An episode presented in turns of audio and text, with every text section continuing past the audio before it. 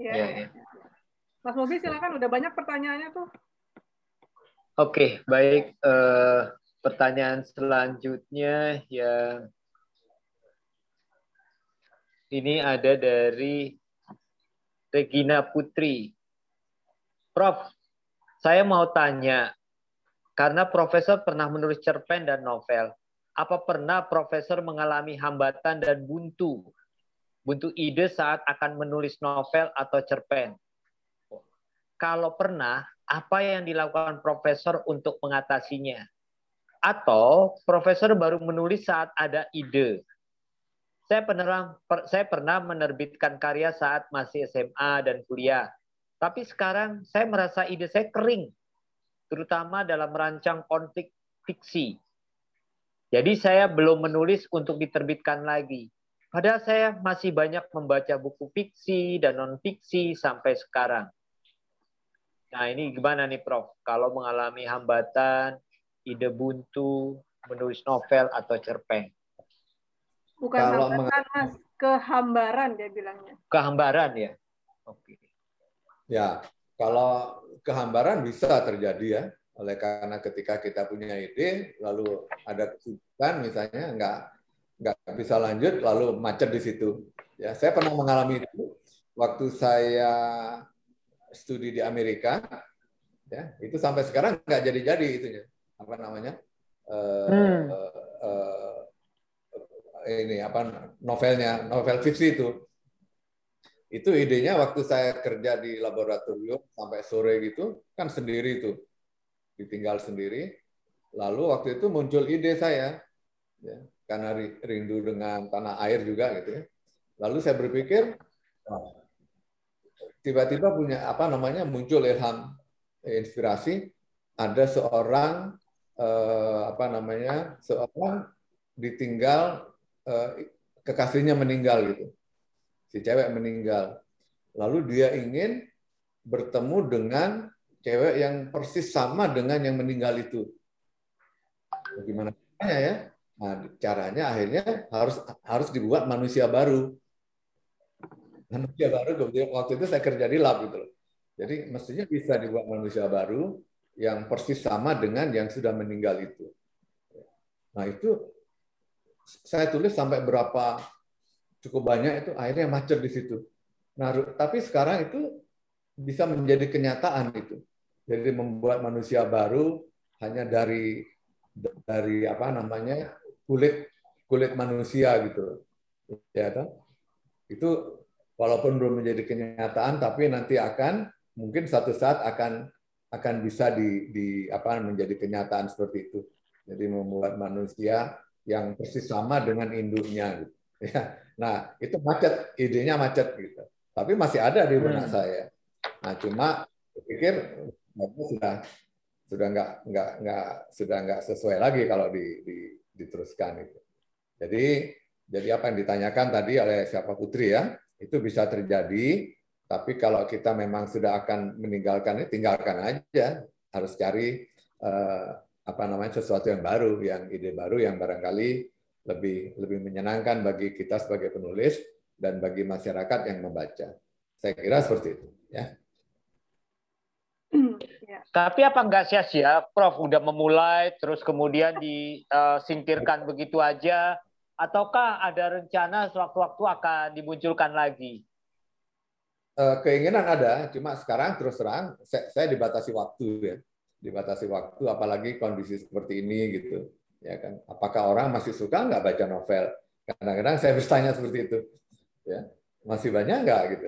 Nah, saya nggak tahu mungkin Bobi uh, tahu itu lebih tahu. Masih banyak nggak yang masyarakat yang baca baca novel? Ya.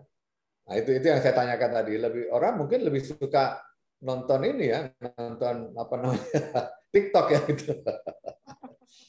nah itu akhirnya kalau seperti itu saya nggak tahu ke mana nanti manusia masa depan itu seperti apa gitu. Kalau tiap hari hanya senangnya nonton TikTok orang begini-begini misalnya, ya dari segi apa namanya kualitas hidup bangsa seperti apa gitu kan. Ya. Apakah makin merosot atau tidak, saya nggak tahu. Ya, untuk dari dari segi, segi kualitas hidup bangsa untuk pembangunan bangsa supaya nggak apa namanya nggak kalah dengan bangsa-bangsa lain. Saya kira seperti itu. Ya, Mas Bobi sama dengan saya ini, Prof. Aliran nggak mau rugi. Pokoknya kalau udah harus apa ada ide harus jadi ya, Mas ya. Ya, betul. Iya, saya. Betul.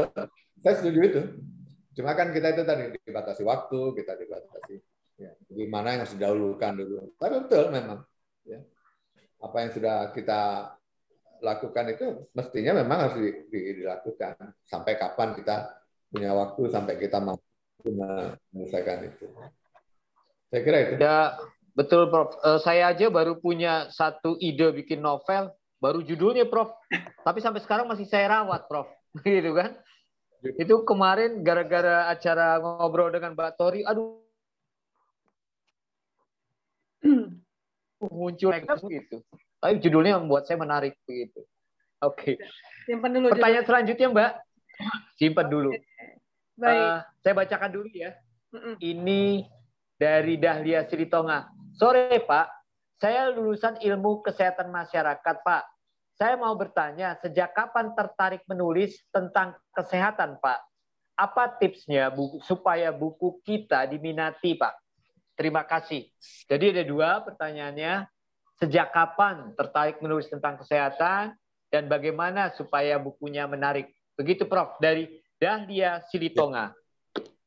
Ya, karena memang background saya memang background utamanya yang kesehatan ya, ya memang apa namanya harus memberikan informasi kepada masyarakat seperti yang kita lakukan tiap hari bertemu pasien, memberikan informasi, memberikan edukasi kepada pasien.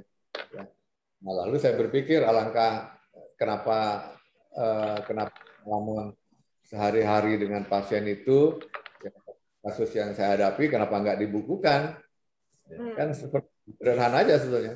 Ini datanya sudah ada nih tiap hari bertemu dengan pasien, ngobrol dengan pasien, memberikan pengobatan. Ya, masalah-masalah itu kenapa enggak saya kumpulkan aja supaya diketahui oleh orang lebih banyak orang eh, supaya eh, bisa terhindar atau bisa mengatasi masalah yang dialami pasien itu. Ya. Nah, apalagi di kesmas sama saya kira seperti itu kan. Ya. Jadi eh, apa yang kita lakukan, apa yang kita jumpai setiap hari, alangkah bagusnya kalau kemudian dikumpulkan dalam bentuk tulisan, dalam bentuk buku, ya supaya banyak orang yang membaca, banyak orang yang mendapatkan manfaat dari itu. Ya. Sederhana aja saya kira ya. Jadi menulis buku kesehatan sudah jadi dokter ya. Sebelumnya berarti kebanyakan novel gitu ya, Prof?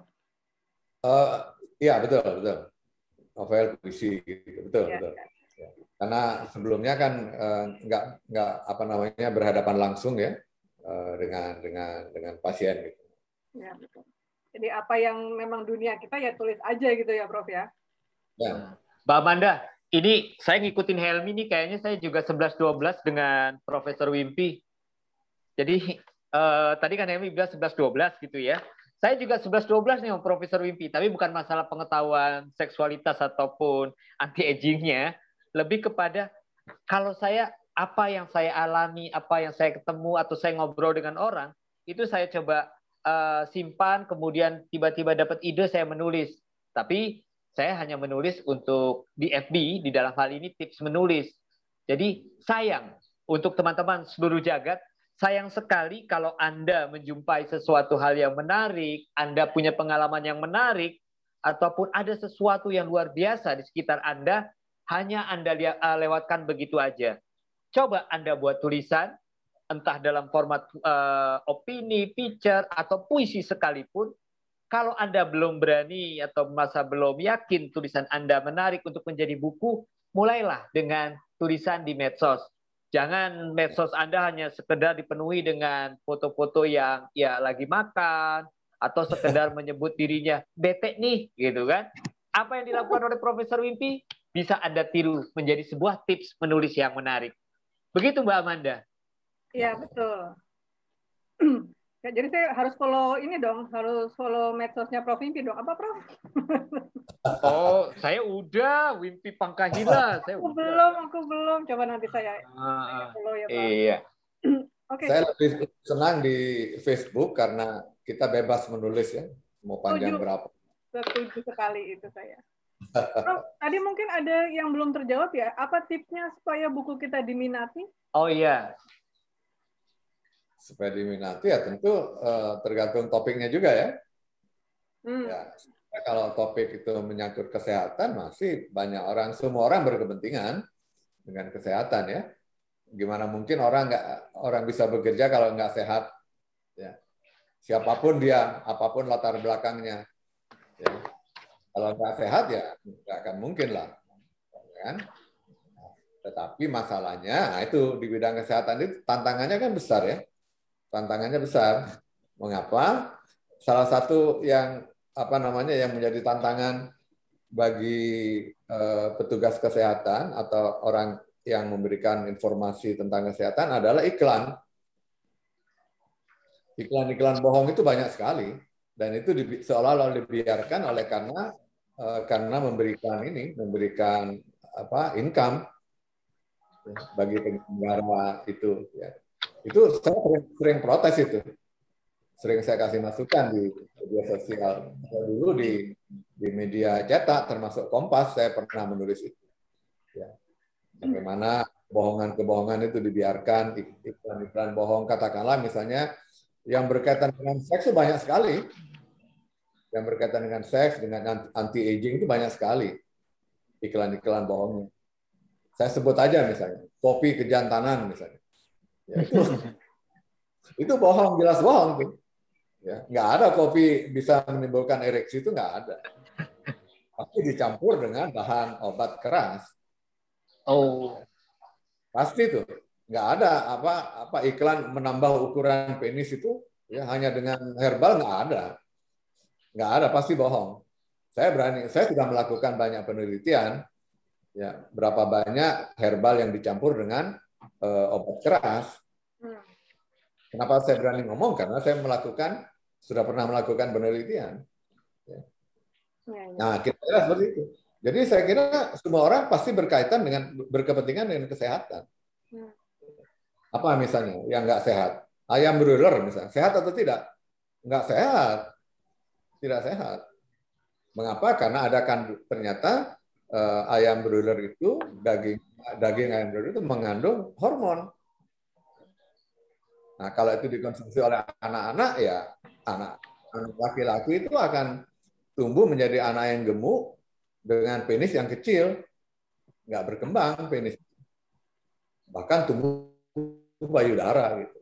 Banyak di sekitar kita. Oleh karena itu, nah kita harus memperhatikan kesehatan itu. Karena semua orang berkepentingan dengan kesehatan, siapa pun dia. Nah, kira-kira itu jawaban saya. Nah, kita di... Oke. Ya, termasuk buku ini ya, Prof ya, anti aging medicine ini ya. Ya, betul. Uh, Prof coba untuk meluruskan uh, kepada masyarakat uh, tentang produk-produk penjual produk ilegal ya yang mengatakan tetap sehat, muda begitu ya. Banyak produk-produk yang tidak jelas begitu ya, Prof. Betul. Banyak yang bohong juga itu. Nah, Banyak cuma saya bohong, ya. yang saya tidak mengerti pihak berwenang mengapa tidak me, me, me, menutup itu ya atau melarang itu. Nah itu itu saya nggak nggak mengerti siapa pihak berwenang itu. Saya nggak tahu siapa. Apakah Menkominfo atau siapa? Ya, mengapa dibiarkan? Nah, bahkan bukan hanya di media sosial, di iklan-iklan TV kan masih ada juga iklan-iklan di, di, di, di, di, di TV, di TV. Ya. Itu masih ada yang nggak iklan-iklan nggak nggak masuk akal, iklan bohong terkait kesehatan. Saya nggak tahu mau, mau, mau apa nih kalau dibiarkan seperti ini. Oke, okay? nah, kok jadi protes?